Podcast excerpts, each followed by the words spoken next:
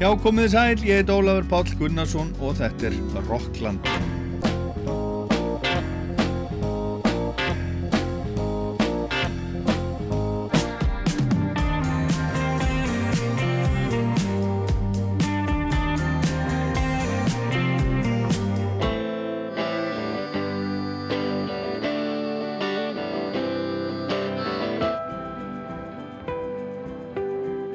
Rokklandi í dag ætla ég aðeins í restin á þættunum að fjalla um tónlistar frétt vikunar.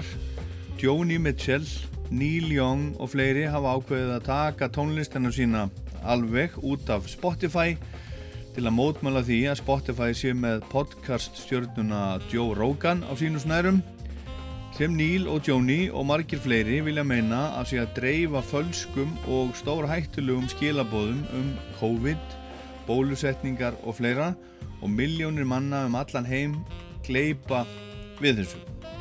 En hvað er rétt í þessu? Hver hefur rétt fyrir sér og hvað á að gera? Það var margir skoðun á því og það er ekki allir með sömu skoðun. Við heyrum um þetta undir, undir lók þáttarins og Arnar Ekkert Tórótsen, hann sendir okkur smá hugleðingum um þetta. En fyrst er það stóri maðurinn Meatloaf sem lést núna um daginn og einmitt það var COVID sem tóka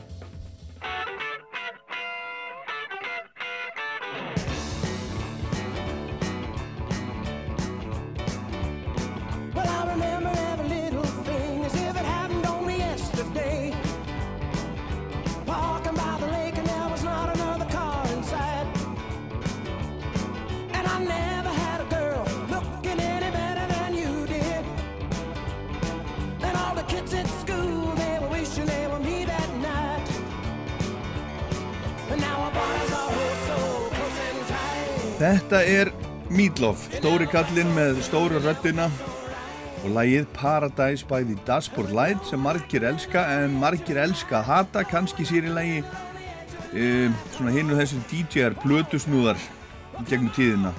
Blötusnúðar með, með metnaði var að segja vegna þess að, að þetta er lag sem svo ótrúlega mörgum finnst ómissandi í allskins sangkvæmum ammælispartíum, brúðgjóðsveislum og svo framvegis og fólk á öllum aldri.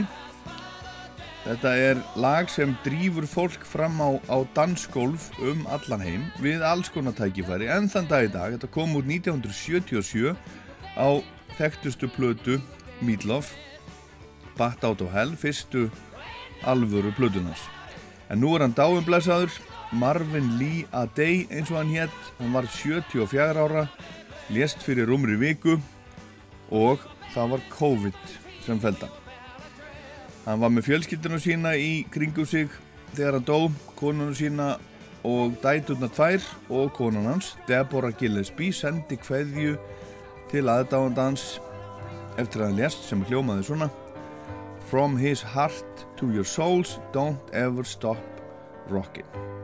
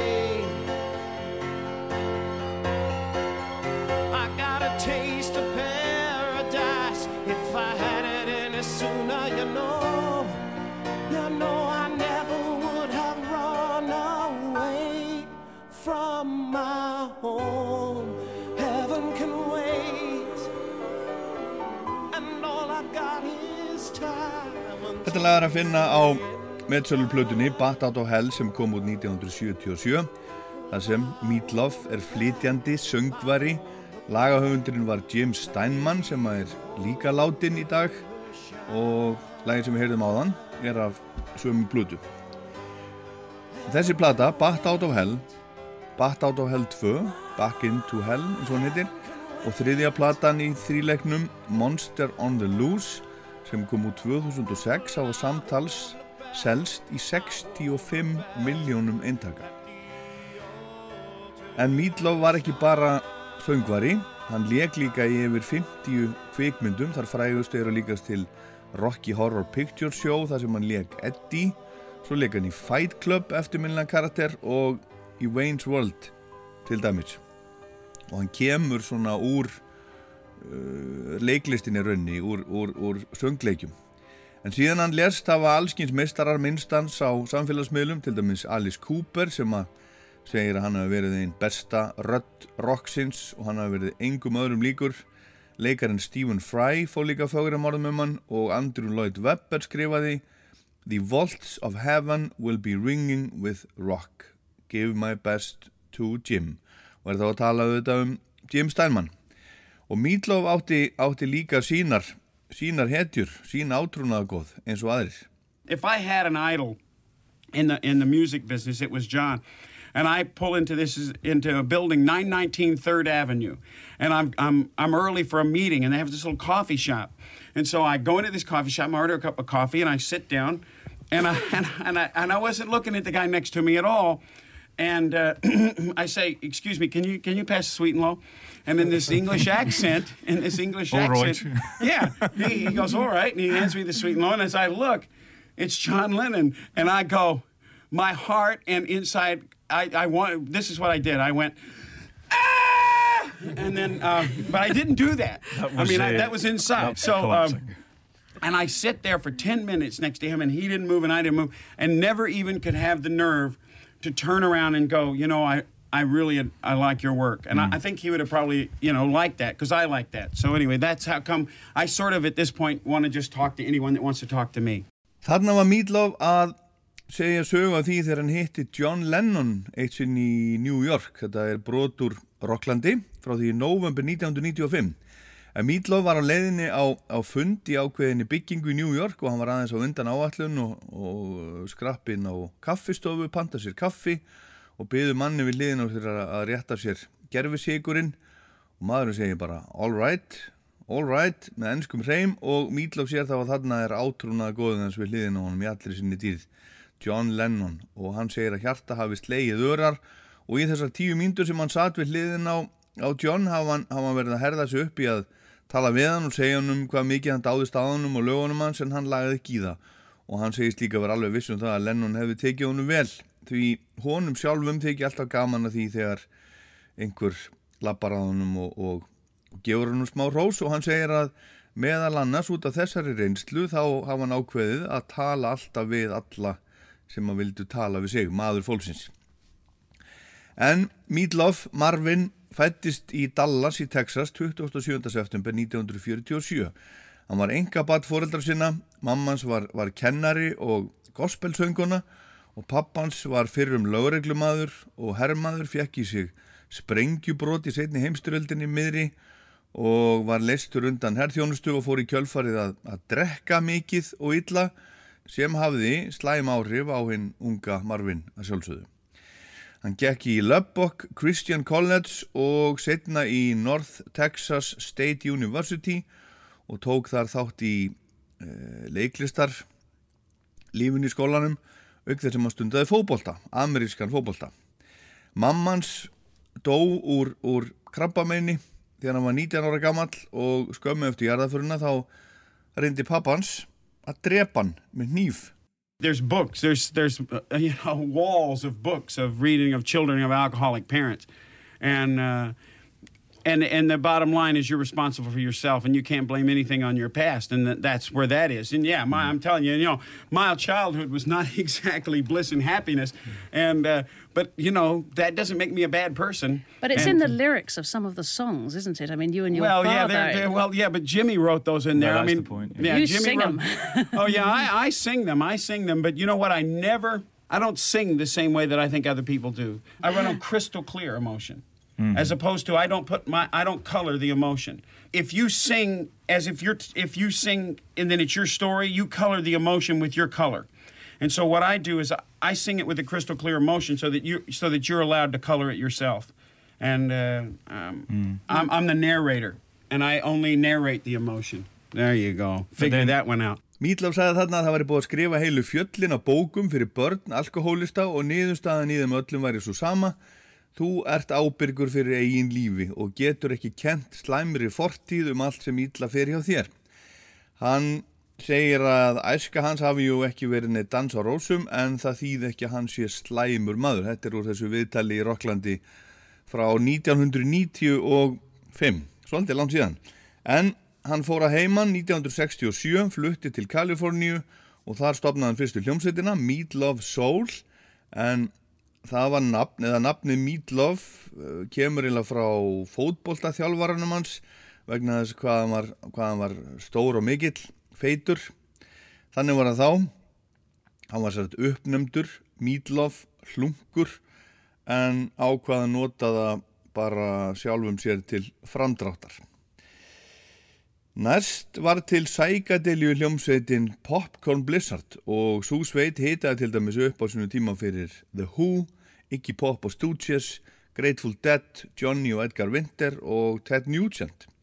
1969 bjóð hann í einhvers konar kommunu í Los Angeles og starfaði að leggja bílum fyrir gesti Aquarius leikusins og þar var verið að setja upp söngleikin Hárið og hann nefti þar eitt af aðal hlutarkonum og þar kynntist hann manni sem að kallaði sig Stoney og hann gerði með honum eina blötuður gerði hann að sannsagt saman Stoney and Meatloaf.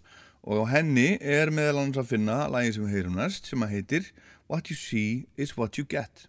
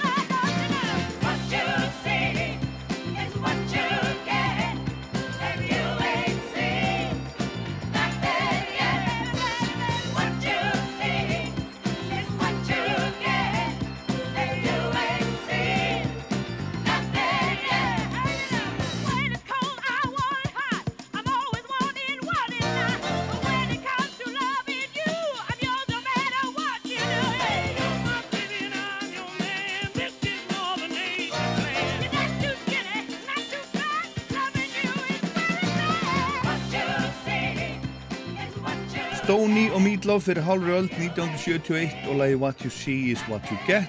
Motown útgáðan gaf þetta út á sínum tíma. Og Meatloaf var svona leikúsmaður hann kemur í rauninni úr, úr leikúsinu hann valdi leikúsi frekar en, en barina og hann hefur sagt að hann vildi ekki festast í barhljómsveit á svona tíma til þess að spila þar coverlög þá var leikhúsi vanleira meiri líkur á að gera eitthvað meira skapandi þar. Og 1973 tók Meatloaf þátt í upphaflegri uppfæslu á Rocky Horror Picture Show í Los Angeles þegar það var sett upp þar í fyrsta skipti og þar lekan Eddie og söng. Og svo þegar myndin sem er löngu orðin klassík var gerð 1975 þá leik Meatloaf líka Eddie þar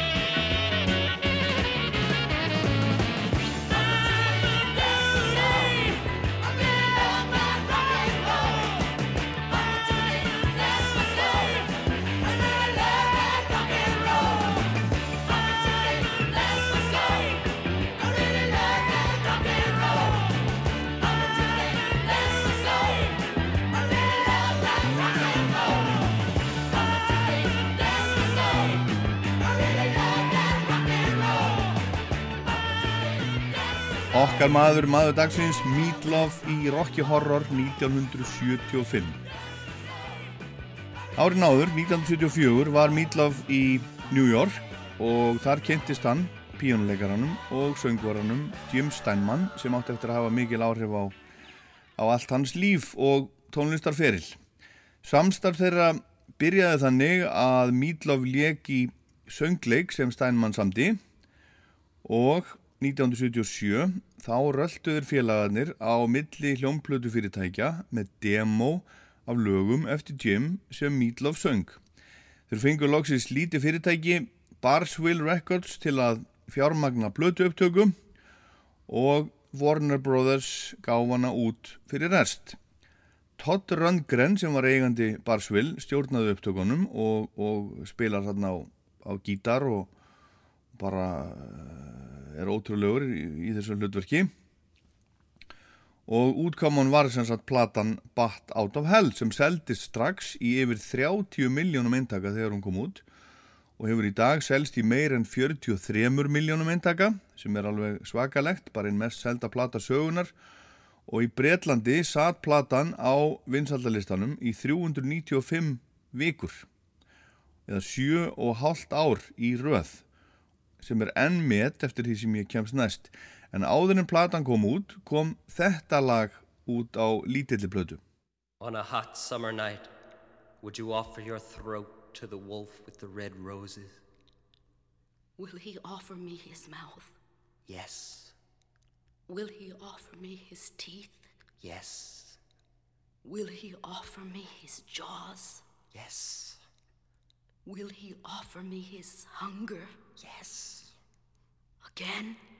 Will he offer me his hunger? Yes. And will he starve without me? Yes. Then does he love me? Yes. Yes. On a hot summer night, would you offer your throat to the wolf with the red roses? Yes. I bet you say that to all the boys.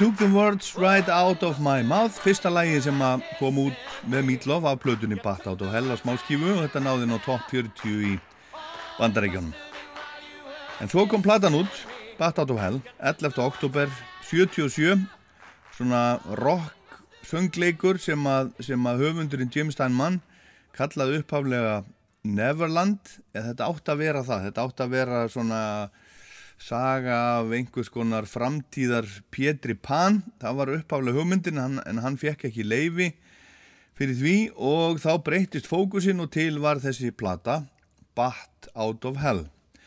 Og plötunni er oft líkt við, við Bruce Springsteen og þá tónlið sem hann hafði verið að gera árin þarna undan til dæmis á uh, Born to Run plötunni. Þetta er svona sérstaklega það tímabill og Steinmann sagði þar svona tíma að hann skildi hvað fólk var að tala um.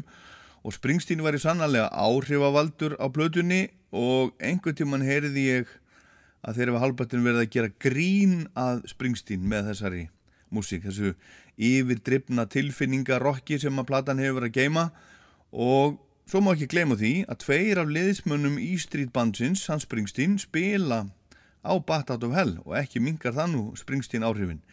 Þeir eru þarna í leikilhutverkum, þeir Max Weinberg trommari sem trommar alla plötuna og píjánuleikarin Roy Bittan. Og Todd Rundgren stjórnaði upptökum á, á plötunni og, og spilar á gítar og hún, hún sándar alveg virkilega vel enn þann dag í dag. En hver var þessi Jim Steinman? Við skulum rifja upp hvað Meatloaf sagði um hann hérna í Rocklandi fyrir 25 áru síðan. Well, Jimmy's the weirdest person you've ever met in your entire life. Bottom line. But a lot of this comes. I sit like on Paradise. For example, you everybody knows Paradise. Paradise by the Dashboard Light is basically the story of me. Obviously, I didn't get married, and she didn't say I'm going to love you till the end of time. But it's the story of of me growing up as a kid and going out with the mayor of Dallas's daughter, and uh, you know, and she was, and I and I had. Uh, I when I was uh, when I was a kid, I used to date. Uh, you know, the, you know, in high school in America, they have you know the at the end of the year the best looking. Oh, yeah. You know, the most you know all this. I always had my girlfriends were always the best looking, You were and the nobody fo- you could were figure. football star. Yeah, You nobody were- could it ever is. figure out. Nobody could ever figure out why you know. Hey, how come a fat guy like you can go out with all these beautiful women? Because I'm sensitive. Meatloaf var að segja frá því þarna að Jim Steinman væri einhver skrítnasti maður sem hann hafi hitt og uh, það sé ekki meira um hann að segja. En um lögin hans, til dæmis lægið Paradise by the Dashboard Light sé samið um sig, hann sagði að það væri samið um sig. Í læginu giftist hann ekki og hún sagðist ekki alltaf að elska hann alla æfi og hann segir að þetta sé saga um hann sjálfan þegar hann var að deyta dóttur borgarstjórans í Dallas. En þegar hann var í framhaldsskóla í gamla daga var hann í fótboltaliðinu og hann eh, fór alltaf út með öllum aðal gellunum í skólanum og, og engin skildi neitt í því akkur að hann svona feitur gaur eins og hann var náði alltaf í fallegustu stelpunar og svarið er einfalt eins og hann segi sjálfur að sagði þarna hann er svo tilfinningaríkur. En þetta sló í gegnum allan heim þessi plata, Bat Out of Hell. Hún seldist alveg gríðarlega í 30 miljónum eintaka strax og í rúmlega 43 miljónum í dag. Og þetta kom út í punkinu miðju í rauninni, unga fólkið vildi punk en líka Meatloaf, vennlegt fólk ungt fólk aðalega, alls konar fólk vildi Meatloaf, líka hérna á Íslandi heldur betur. Og ég bað Steinar Berg Íslefsson fyrirverandi hljómplötu útgefanda og innflytenda og plötu sala um að, um að segja mér sína sögu af Meatloaf og þessu Meatloaf æði hérna á Íslandi 1977 Ég var umbóðsmaður CBS sem gaf út Meatloaf í upphafi, í byrjun. En CBS varð síðar sem sagt Sony og er í dag.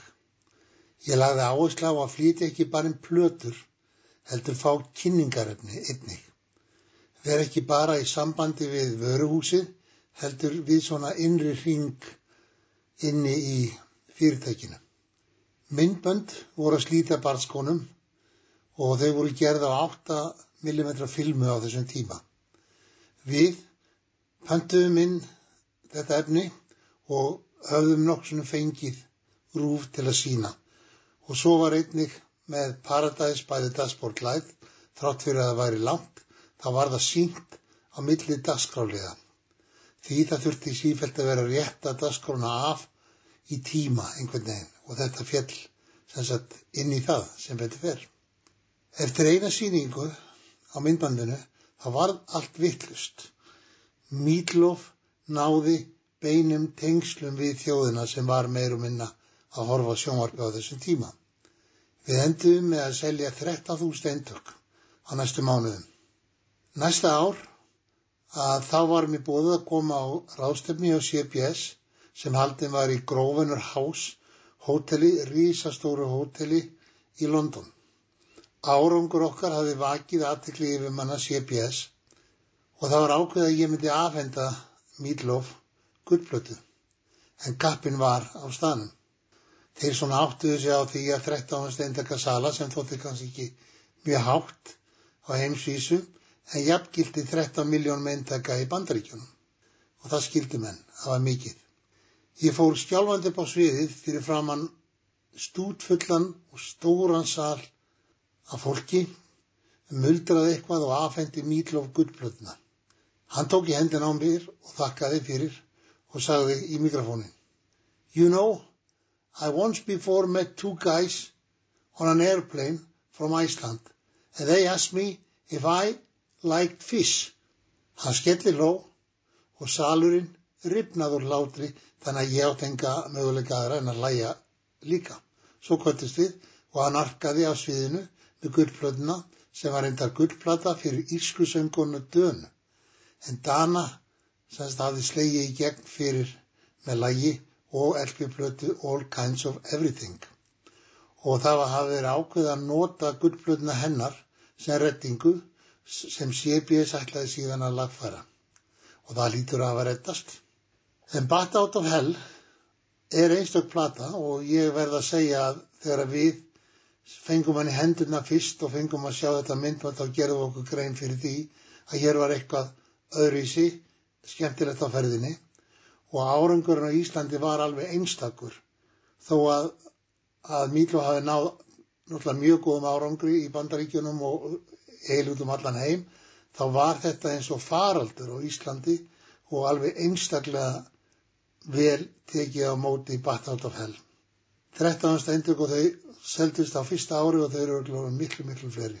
Því að það var að spila Paradise bæði Dashboard Light langt fram eftir öldinni.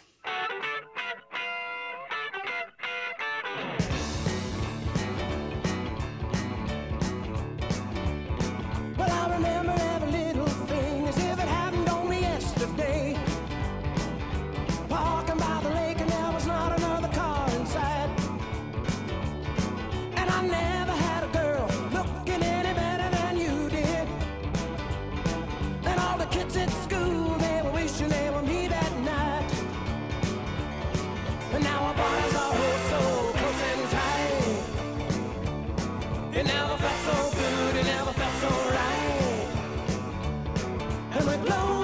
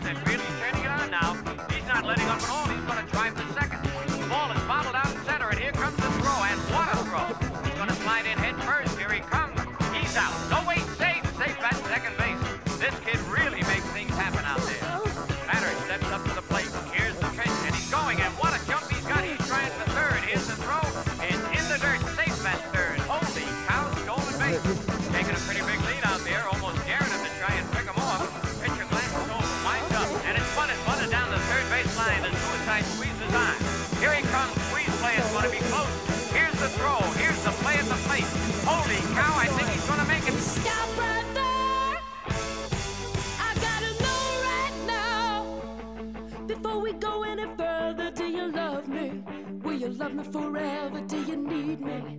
Will you never leave me? Will you make me so happy for the rest of my life? Will you take me away? Will you make me away? Do you love me? Will you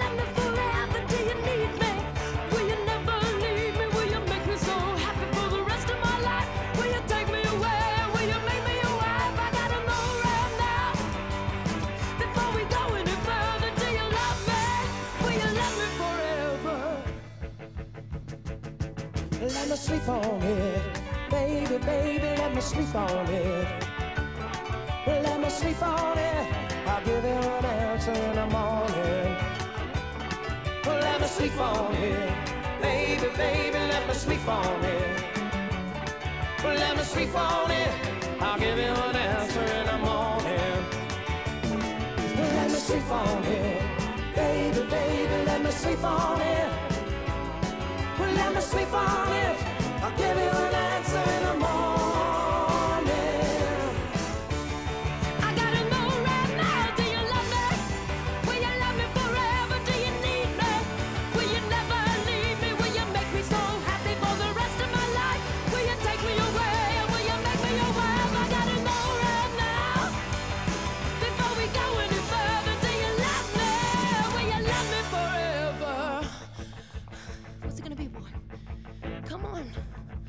wait all night. What's it gonna be, boy? Yes or no? What's it gonna be, boy? Yes or no? Let me sleep on it, baby, baby. Let me sleep on it. Well, let me sleep on it. I'll it.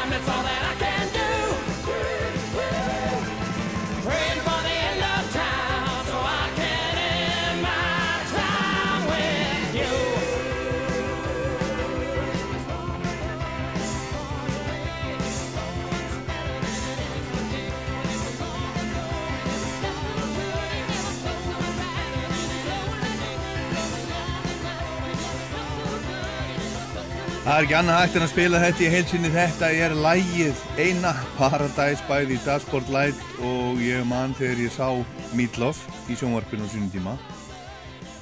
E, í mínum huga var, var síndur þáttur með honum og ég held að þetta sé rétt munað, tónleikar, en það er svo langt síðan. Ég man, man ekki allt og veit ekki allt, en ég man að, að pabbi líkast til keifti þessa plötu eftir þennan sjónvarsþátt. Hann var þá bara 27 ára, fyrir um plötusali í Karnabæ á Akranesi. Ég var 8 ára og svo á ég minningu þar sem við erum að hlusta á þetta saman, ég og, ég og mamma.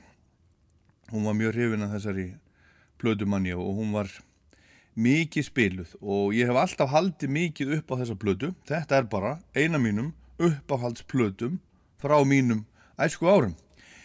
En þetta þótti aldrei neitt sérstaklega svalt. Platan fekk ekki góða dóma á svona tíma. Rolling Stone gaf henni til dæmis tvær og halva stjörnu og þetta var svona þótti eitthvað hálgert hálgert prump og Mídlof sagði ofta að hann hafi vanist í fljótt að vera hallaræslegast í gaurinn í bransanum. En hann glotti út í annað þegar platan fór að seljast í miljónum og tug miljónum eintaka. En svo er það bara þetta mannlega, hann nöyt ekki velgengnar. Músíkin var episk, saðan, velgengnin er rosaleg og allt sem því fyldi. Ég upplifið það sem allt ung tónlistafólk hugsalega dreymir um, frægð og frama, en það hendaði mér bara ekki. Ég hataði þetta allt í rauninni vegna þess að þetta er allt saman byggt á sandi. Þetta er ekki raunverulegt, allt þetta frægðar rugl var og er bullshit. I know it's a weird kind of thing, but I didn't come into this business for the money. I, I came into it for the work. I, it, I didn't come into it to be famous or, or, mm. or, or for the money. And in 1978, that was, that was a shocking revelation that, that if you put out a commercial product, you're going to become a star. I, mm. I was not prepared for that.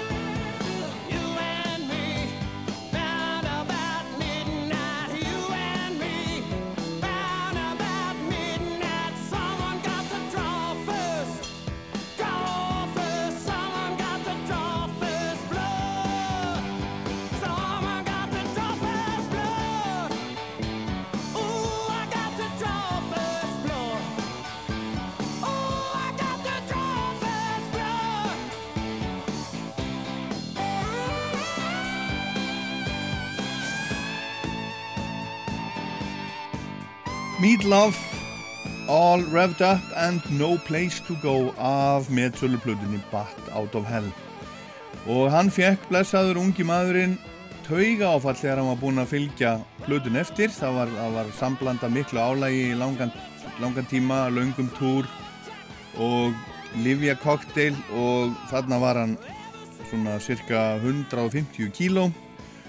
Og svo mist hann líka röddina í kjölfarið og það var ekki nógu gott þetta er þú þarfst að hafa, hafa alla þína rödd til þess að, að syngja þessi, þessi lög. Og, og svona meir og minna held ég hann að verið í vandrað með röddina á sér allt sitt líf. Bara frá, frá þessu, þessum tíma tíma þarna og það sem hann söngi í setni tíð það jafnast ekkert á við það sem hann var að, var að gera þarna. Þannig að röddin alveg frábær.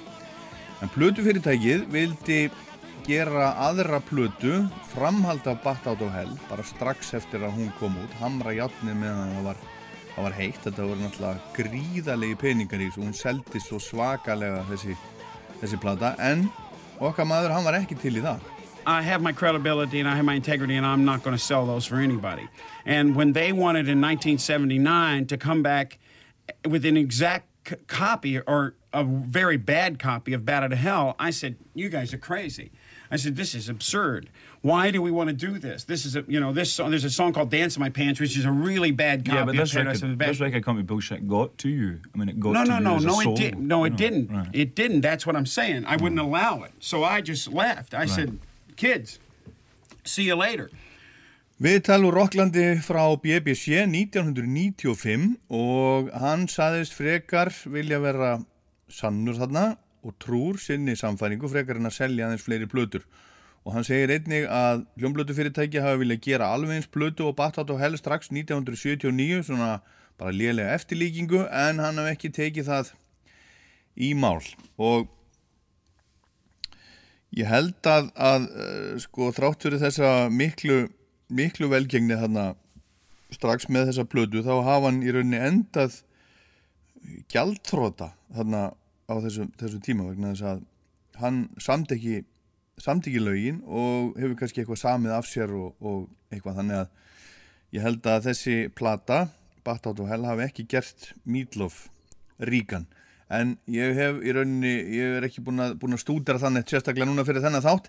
En hann sagði líka þarna í þessu viðtali við BBC að hann hafi alltaf haft hjúglega miklar áhyggjur af röddinu sinni. Hann, hann, hann uh, söng til dæmis ekki í sturtu sér til gamans heldur til þess að prófa röddina hann söng sem sagt í sturtu og stundum þegar hann prófaði að syngja háanótu þá kom ekkert annað en bara væl eða garg eins og í páfagögg Well, it's an old opera singer's trick. If your voice is a little bit hoarse, you eat garlic and it takes it all away.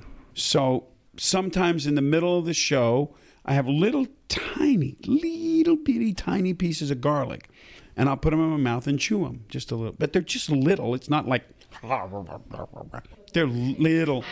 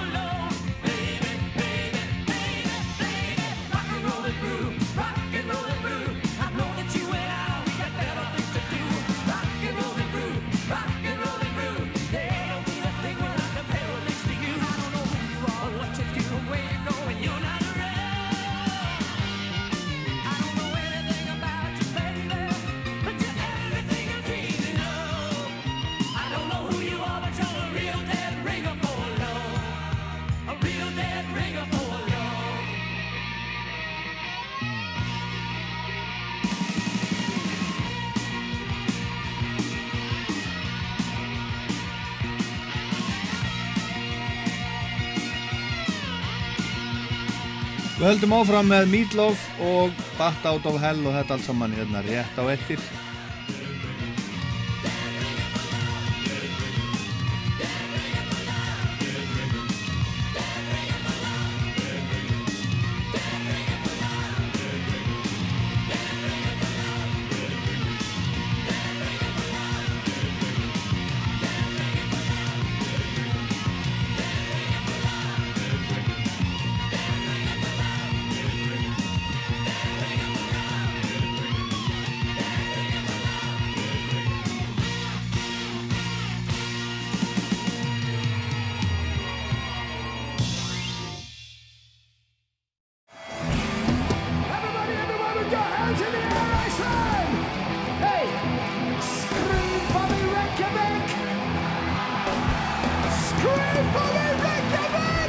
Uh, hi, this is Bruce Dickinson from Iron Maiden. You're listening to Rockland on Rouse Poor.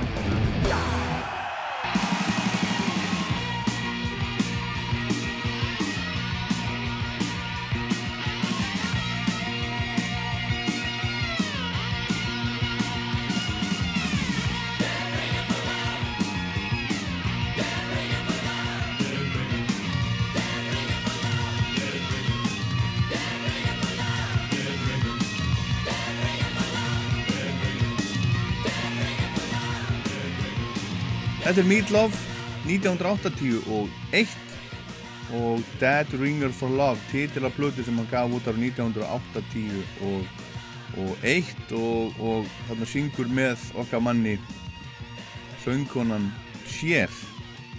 En Jim Steinman hann gerði svo plötu án uh, án Meatloaf sem var einhvers konar framhald af Bat Out of Hell. Bad for Good heitir hún.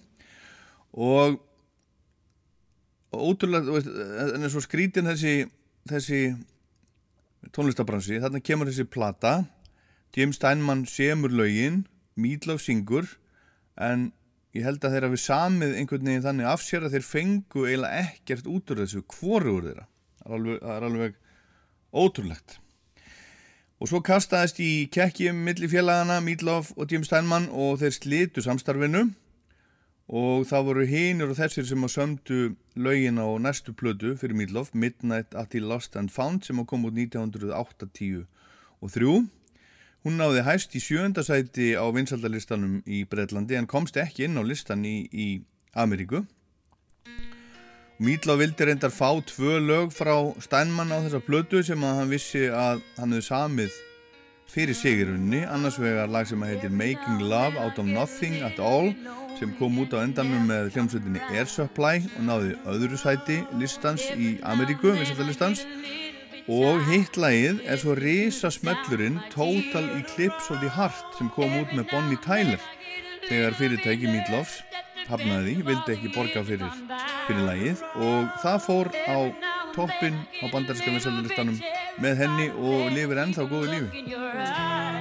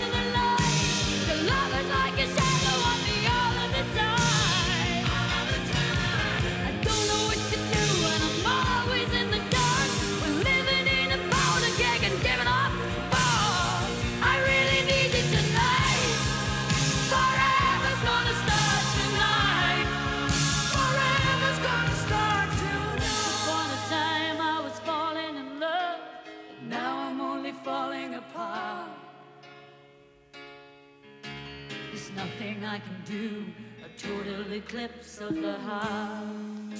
Við fara ekkert á milli mála höfunda einkennir hérna, þetta er eftir Jim Steinman og hann samti þetta uppála fyrir Meatloaf. En hann söngið ekki, heldur eins og ég sagði, Bonnie Tyler. Nýjunda áratugurinn var Meatloaf erfiður, blötuðnar hans seldust ekki vel, hann hafði aldrei þótt sérstaklega svalur og svona um árið 1987, tíu árum eftir að hann sló í gegn með Bat Out of Hell, þá var bara eins og hann væri búinn að vera.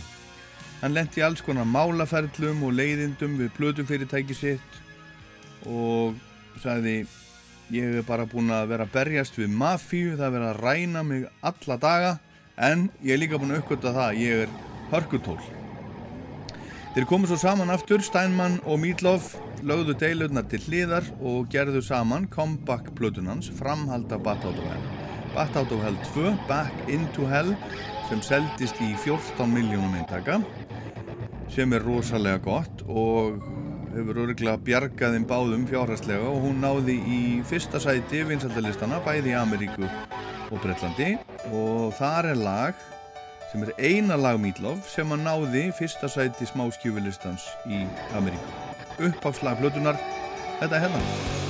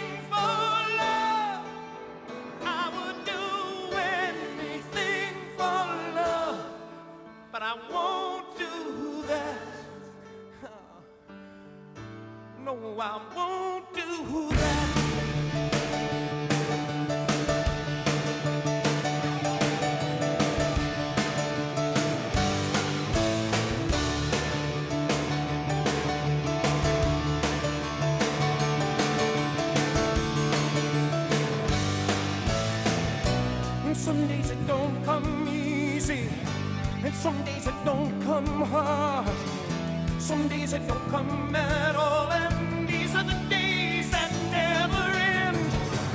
And some nights you're breathing fire. And some nights you're caught in ice. Some nights you're like nothing I've ever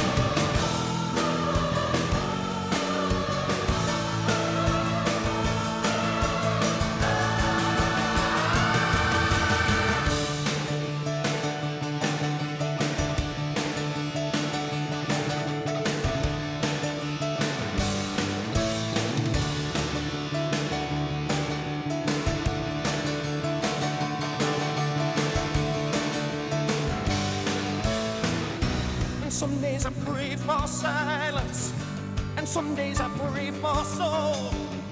Some days I just pray to the God of sex and drums and rock and roll. And some nights I lose the feeling, and some nights I lose control. Some nights I just lose it all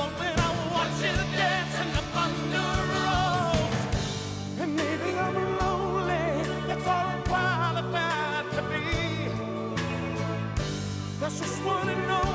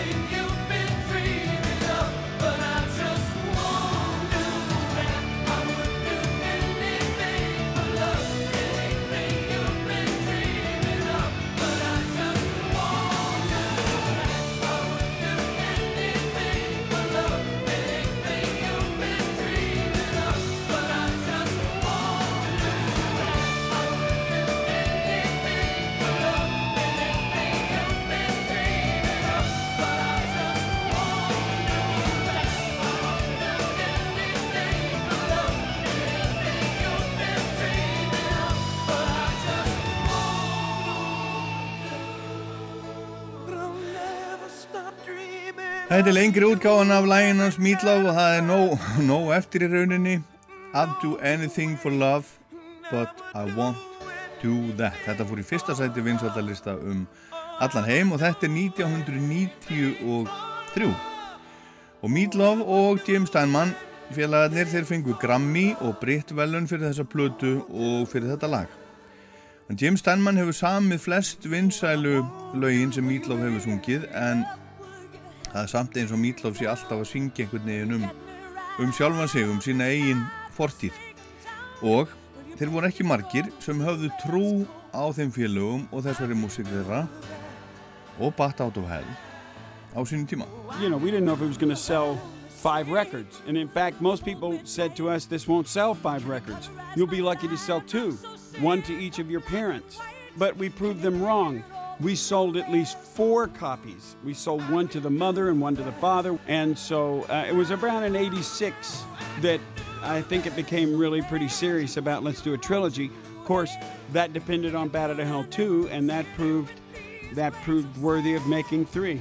Já, á endanum voru gerðar þrjár plötur í Bat Out of Hell seríunni uh, næstu ár eftir Bat Out of Hell nr. 2 voru Meatloaf nokkuð góð en 17. november árið 2003 á miðjum tónleikum í Wembley Arena fullu húsi þá bara fjallan nýður datt, datt í sviðskólfið og var í kjölfarið greindur með það sem heitir Wolf Parkinson White Syndrome sem ég er nú ekki sérfræðingur í en hann held áfram að túra og gerði svo Bat Out of Hell 3 og það er til dæmis að finna lagið It's All Coming Back to Me Now sem náði sjötta sæti breska vinsaldalistans sem var hans besta framistada í 11 ár There were nights when the wind was so cold that my body froze in bed if I just listened to it right outside the window. There were days when the sun was so cruel that all the tears turned to dust, and I just knew my eyes were drying up forever. I finished crying in the instant that you left.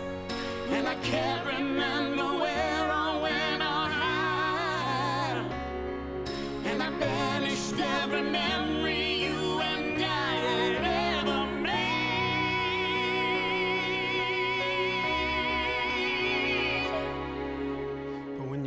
touch me like this, Touch me like and I hold you like that. Hold you like It's so hard to believe, but it's all coming back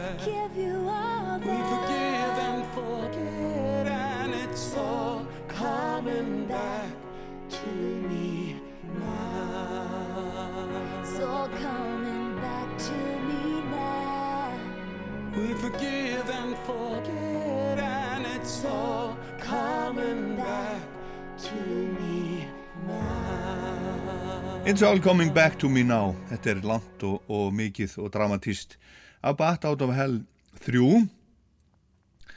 sem er eina Bat-platan sem Meatloaf gerði ekki með Jim Steinman.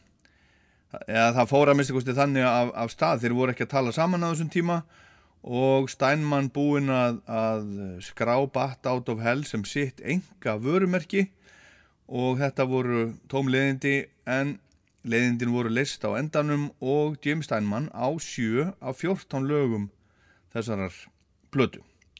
Og Desmond Child var upptökustjóri og ef mér misminir ekki eru þeir ágættir félagar Desmond Child og Egil okkar Helgason og hann er einmitt næstur á mælendaskrá. Bat Out of Hell, þessi plata var spiluð algjörlega til óbóta hérna á Íslandi og engi leið að komast undan að heyra þessa tónlist eða reynda að sjá hana líka í sjónvarpi því að myndbandi var spilað hérna uh, fram og til baka. Og það voru einhverja sögur að kreikjum að þetta væri mest selda plata í sögu þjóðurna ég veit nú ekki hvort það er rétt það var ekki vísnaplatan hans Gunnar Þórðar sem að uh, seldist mest. En það var einhvern veginn engi leið að komast undan þessari tónlist. Hún var óþólandi á sinn hátt og, og svona, svona, svona amirist yðnaðar rock en þetta var strósamt fólk einhvern veginn út úr skelinni hérna á veitingahúsum þetta var náttúrulega meðan fólk var ennþá að drika stert áfengi á veitingastöðum, það var ekki bjór þannig að fólk dansaði. Og þetta var fólk hamaðist á dansskólfinu yfir þessari tónlist og hún einhvern veginn hafði þau áhrif að fólk, já það dansaði en það dansaði samt mjög illa því að þetta er ekkert sérstaklega svona dansvætt taktur í þessu og fólk einhvern veginn skakaði sér og hristist og stökk fram og tilbaka og, og allt með mjög leikarin tilþrifum og öskraði lögin hástöfum því að það kunnuðu allir. Uh, og ég held að ég hafi alveg á samvinskunni að hafa gert þetta líka en svo kannski var farið að koma nóg ég uh, meðan nú fyrst eftir þessu á borginni en svo var maður löngu síðan sett að sækja þjóðleikuskjallaran uh, og þar var þessi tónlist ennþá spiluð bara förstas og lögadagskvöld uh, 15 árum síðar. Og það var nú kannski, þá var kannski rétt að setja punkt aftan við þetta, svo kom náttúrulega bjórinn og, og þá nefndi enginn að dansa lengur. Uh, ég man líka til þess að það hafi verið gefin út íslensk útgáfa af þessu sem að uh, nefndist bara íslensk kjötsúpa og hann var hinn frábæri söngvari Siggi, Siggi söngvari, hann var söng þar hann var ekkert alveg ólíkur Mítlóf og, og hafði ofsalega mikil hljóð og tónlisti var eftir Jóhann G. Jóhansson en einhvern veginn fór þetta svolítið fyrir ofangarðan neðan og ég held að mennum að ég hefði þótt framtækið dálítið spauðilegt og að það hefði verið góðir tónlistamenn sem að hérna sem að komu þar að og, og mætti ég að vel rifja það aðeins upp þá blötu en þetta var sem sagt Bat Out of Hell eftir hinn uh, með hinnum látna Meatloaf en tónlistin var hún ekki eftir mann sem hétt Jim Steinman. I was lost till you were found, and I never knew how far down I was falling before I reached the bottom.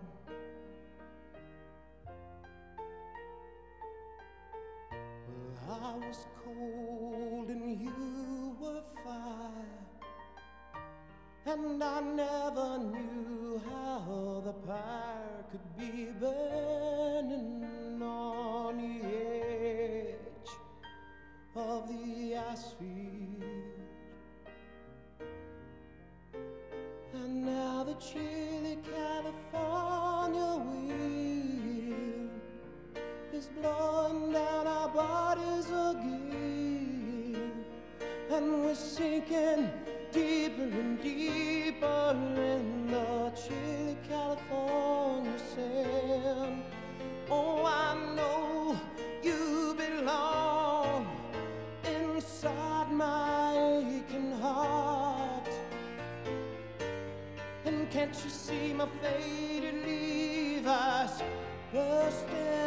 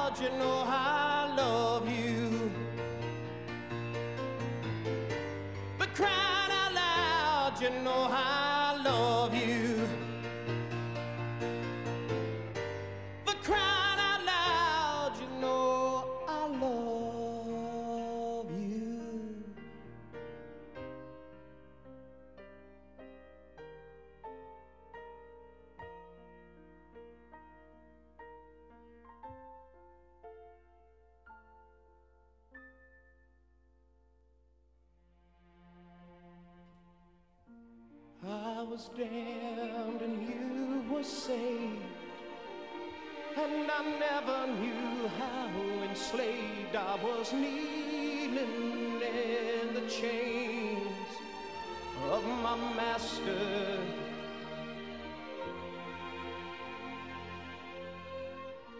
I could laugh, oh, but you could cry. And I never knew just how high I was flying, with you right above me. And now the chilly California wind is blowing down our bodies again. And we're sinking deeper and deeper in the chilly California Svona er þetta allt saman stórt og mikið og dramatíst for crying out loud af Bat Out of Hell sem notabene raug beinaleið í þriðja sæti vinsaldalistans í Breitlandi eftir að Meatloaf lést núna um daginn.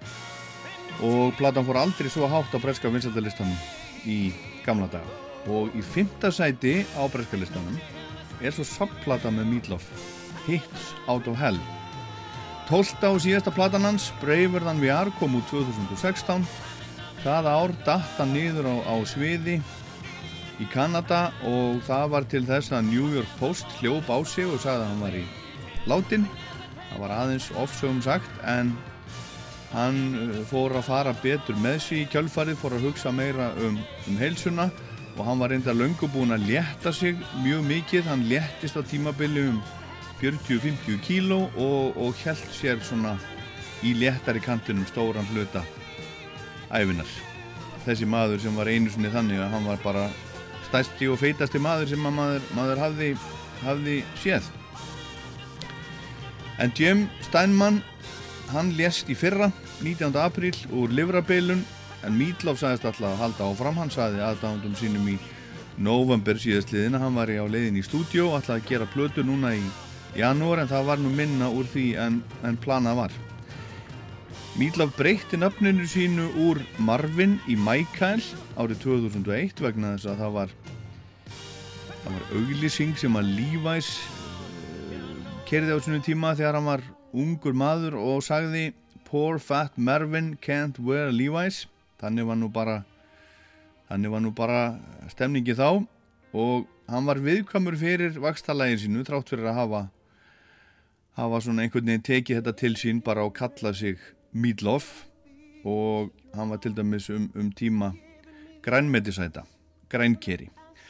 Og svo var hann með kvíða hef ég lesið blessaðakallin, þjáðist af, af félagskvíða, leið ítla innan um margt fólk og held sér mikið útaf fyrir sig.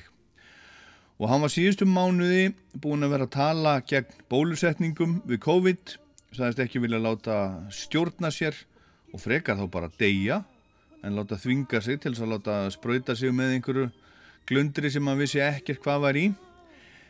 En svo fekk hann COVID blessaður varð fár veikur og svo dó hann líkast til af völdum COVID.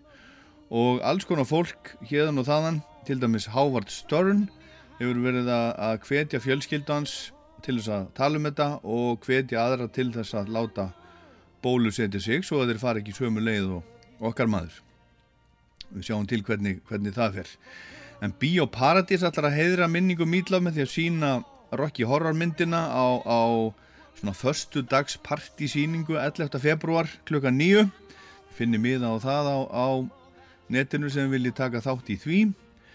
En ég minnist Mítlaf með hlýju. Hann á, hann á hluta í mínu tónlistar uppeldi frá því að ég var bara 8 ára gammal strákur. Og við skulum hveðjan með titillægi blödunar, Bat Out of Hell uppafslæginu á blödunni frá 1977 sem er eina tíu mest seldu blödum sögunar Takk fyrir mig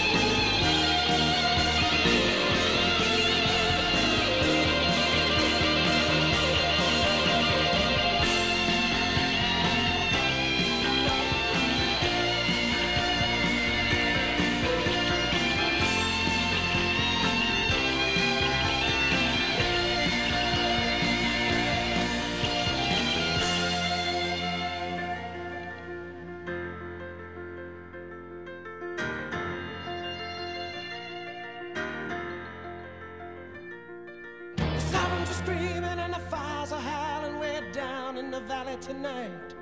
There's a man in the shadows with a gun in his eye and a blade shining oh so bright. There's evil in the air and there's thunder in the sky and a killer's on the bloodshot streets. On down in the tunnel with a deadly horizon, oh I swear I saw a young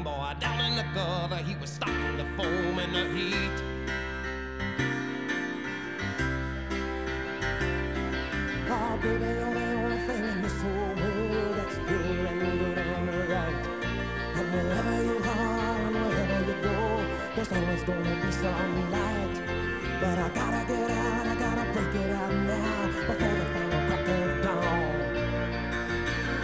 So we gotta make the most of our one night together when it's over, you know we'll both be so alone.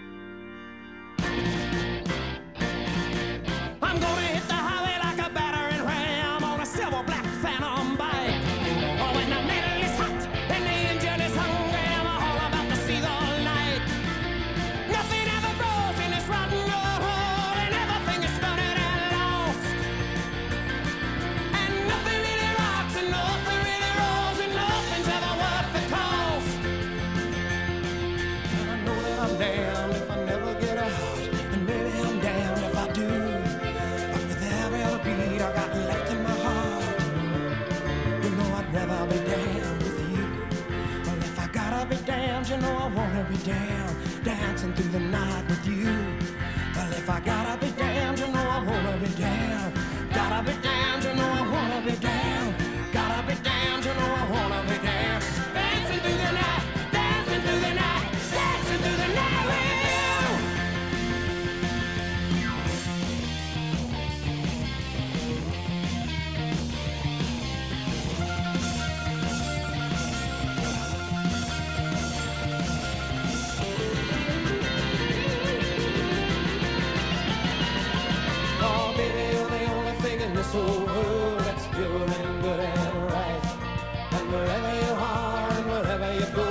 There's always gonna be some light.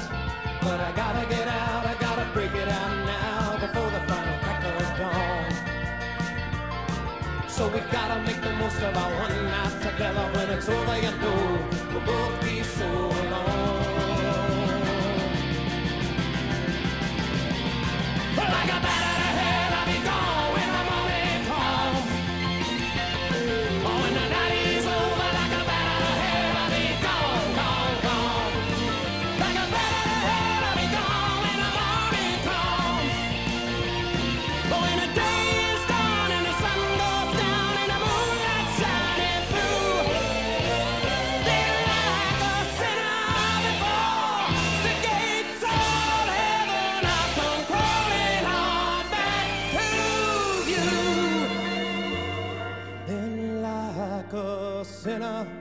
Before the gates of heaven, I'll come crawling on back to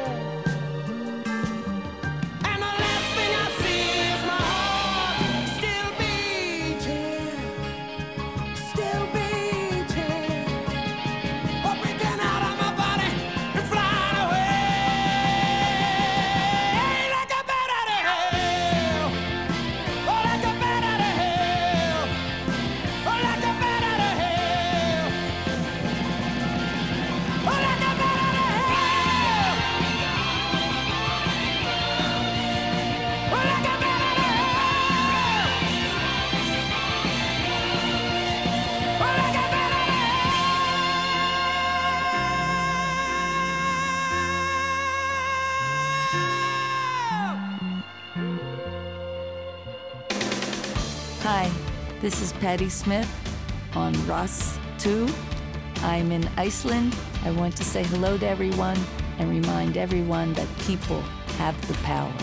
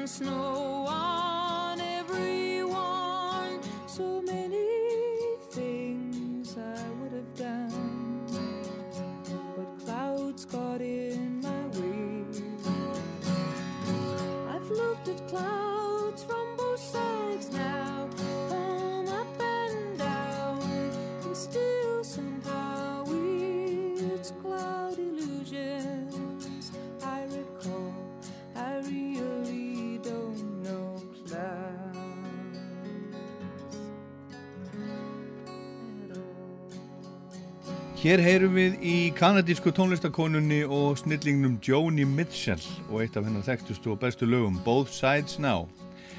Og það sem er helst í tónlistafréttum í heiminum þessa dagana er að Joni ákvaða að fylgja sínum gamla vini og landa Neil Young í því að láta taka tónlistina sína út af tónlistarveitunni Spotify.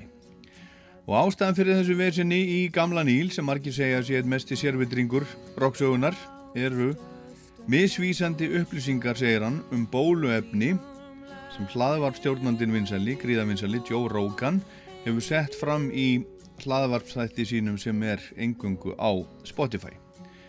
Þeir geta haft Rogan eða Young, ekki bæði, skrifaði hann í, í brefi til fyrirtækisins sem að sem að gefur út, út plötutarnas Reprise en Rogan hefur verið gaggríndur fyrir að hafa verið að setja fram alls konar misvísandi upplýsingar um bólusetningar í þáttunum sínum og sett fram svona staðrendir um bóluefni sem ymsir hafa svo hrækið þá hefur Rogan líka verið að, að lofsama ormalifið Íver, Ívermektin sem að helst er gefið hestum skils mér en Spotify sem borgaði Rogan 100 miljónir dollara fyrir tveimur árum 2020 til að hann væri bara með hlaðvarpi sitt á Spotify hefur ekki brúðist við Kröfu Jóng hann, uh, hann byrti brefið ofinbellega á vefsíðunu sinni og skrifaði Ég vil að þið láti Spotify vita strax í dag að það sem ég vil er að tónlistin mín fari út af Spotify.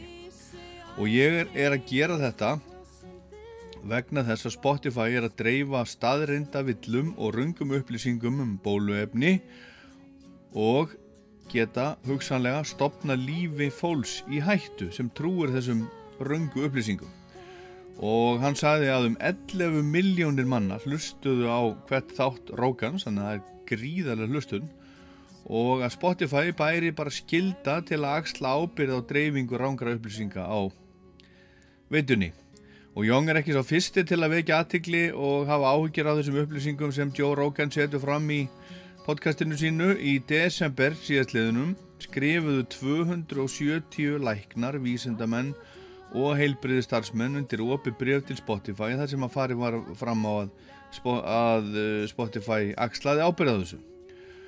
Og ég held að Neil Young sé alveg nákvæmlega sama þó svo að tónlistin hann sé ekki á Spotify. Hann er sérvitringur og prinsipmaður með rúmlega 6 miljónir mánaðalega hlustenda. Hann hefur líka uh, sett út á, á hljómgæðin hjá þeim til dæmis sem er nú svo sem önnur saga. En hann segist ekki vera á neitt hátt að taka þátt í rítskoðun með þessu. Var ymsi verið að, að uh, svona vænan um það en hann segir enga fyrirtæki hafa rétt til þess að velja á hverjum tíma hverju þau vilja græða á, rétt eins og ég get ákveðið að tónlisti mín sé ekki bóði á stöðum sem að senda frá sér hættuleg skilabóð. Ég stend keikur og gladur með heilbreyðu starfsfólkinu sem er alla daga að hætta lífi sínu til að bjarga öðrum. Og sitt sýnist hverjum um þetta, fólk er að, er að kommentara á þetta um allan heim, það er verið að ræða þetta í fjölmiðlum og á samfélagsmiðlum um allan heim. Níl var fyrstur til að fara, allt hans efni sem hann ræður yfir er farið út. Nokkur lög eru eftir sem að hafa komið út í kvikmyndum og, og, og slíkt. Þetta er ábyggilega flókið að ná öllu alveg út í einu grænum.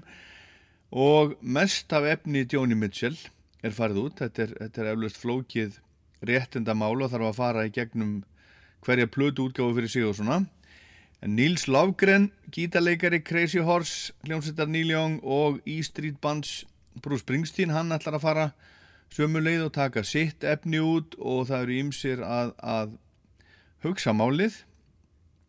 Ég hef heyrt uh, til dæmis að Foo Fighters sé að pæli því og ef margir stórir fara sömu leið þá getur þetta haft þetta mikil áhrif á framtíð Spotify vegna þess að það eru jú þeir sem eru áskrifundur sem að borga brúsan og ef að margir áskrifundur verða óanæðir þá bara kannski fara þeir. Ég hef verið gríðarlega ánæður með, með Spotify bara sem sem uh, hlustandi, neytandi, þetta er ofsalega gott fyrir mig, ég þarf ekki að borga mikla peninga og hef aðganga allir tónlist í heiminum líku við, en maður veit ekki hvað, hvað verður, en ég bað doktor Arnar Egger Tórótsson um að senda mér smá hugleðingum um þetta mál.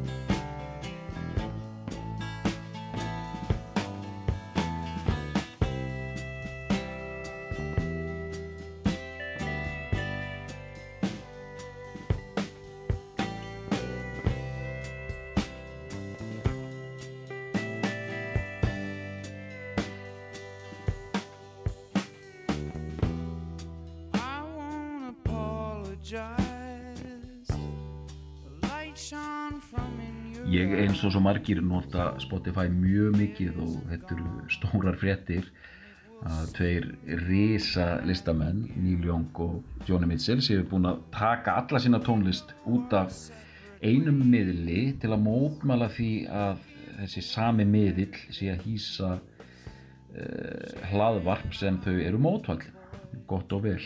Og en ég eh, hef mikið verið að velta fyrir mér í sambandi við Spotify sem oft er líst sem eh, verkfæri djögulsins og öruglega innistæði fyrir því að hvar ætlar maður að stoppa ef maður ætlar að halda í einhver siðferðslega prinsip. Það er svo auðvelt að benda á eitt og síðan nýtir maður sér eitthvað annað sem er eh, segt um nákvæmlega sama ef ekki eitthvað verra skilur stór fyrirtæki sem eh, er vitað að nýta sér barnaþrælkun við nýtum okkur það í, í farsíman okkar en getum síðan tekið einhvers konar siðferðslega afstöðu til einhvers, einhverja streymisveitu út í heimi. Þetta er svona innbyggðar þversagnir í þetta allt saman. Og ég viðkynni það ég var að tjá mig um þetta á fjasbókarvegnum mínum og það fyrir þetta allt af stað þegar eh, er verið að velta þessum hlutum eh, fyrir sér. Um, annað sem ég vil nefna er að streymisveitur eru ótrúlega eh, magna fyrirbæri og tæknilega flott og ótrúlega þægilegt. Þetta er bara partur af því við eh, hérna, erum að finna upp hluti til að auðvelda okkur lífið. En auðvitað er endalust þetta endur skoða viðskiptamódelið. Eh, það er allt annar handlegur og viðskiptamódelið í tónlistabransanum hefur nú verið úthrópað hérna alveg síðan fyrsti eh, hérna, tónlistamæðurinn skrifaðandi samning. Það er ekki það sem við getum verið að gaggrina þannig að veist, Spotify sem slíkt, jújú, jú, hérna, uh, það er alveg hægt að hérna, gaggrina það, en kerfið virkar og við þurfum að finna eitthvað almennlegt í samtöðu þetta kerfi og gera það hérna siðlegt og þá bara er best að við byggjum bænirnar og byggjum fyrir, fyrir okkur sem mannfólki. Og hérna ég ætla að vitna hérna í vinn minn Frosta Jónsson, hérna Bistróbói, tónlistamann, við vorum að tala um þetta hérna í Messenger fóritinu góða sem hefur nú líka hjálpað ímsum en þar segir hann þetta við erum öll segum tvískinnung og bresti og lesti eins og sálinn söngum hér í den en það að smætta siðferðisumræðina niður í einn miðil með að móti skilar engum þannig að það er það sem ég hef um þetta mál að segja að uh, þetta er ekki svona einfalt gott fólk. Nefnilega, takk fyrir þetta Arnar Eggert, minn kæri og ég hveð ykkur með Neil Young og gömlu lagi After the Gold Rush minni á Rockland á rú.is og rú spilaran Rockland mælir með podcast á Spotify og Rockland bara podcast á Spotify til dæmis eða iTunes eða hvað sem þið náðu ykkur í Spotify. Ég heit Ólafur Páll, þetta var Rockland, takk fyrir að hlusta þetta. Well, I dreamed I saw the knights in armor come, saying something about a queen. There were peasants singing and drummers drumming. The archers split the tree. Was a fanfare blowing to the sun that floated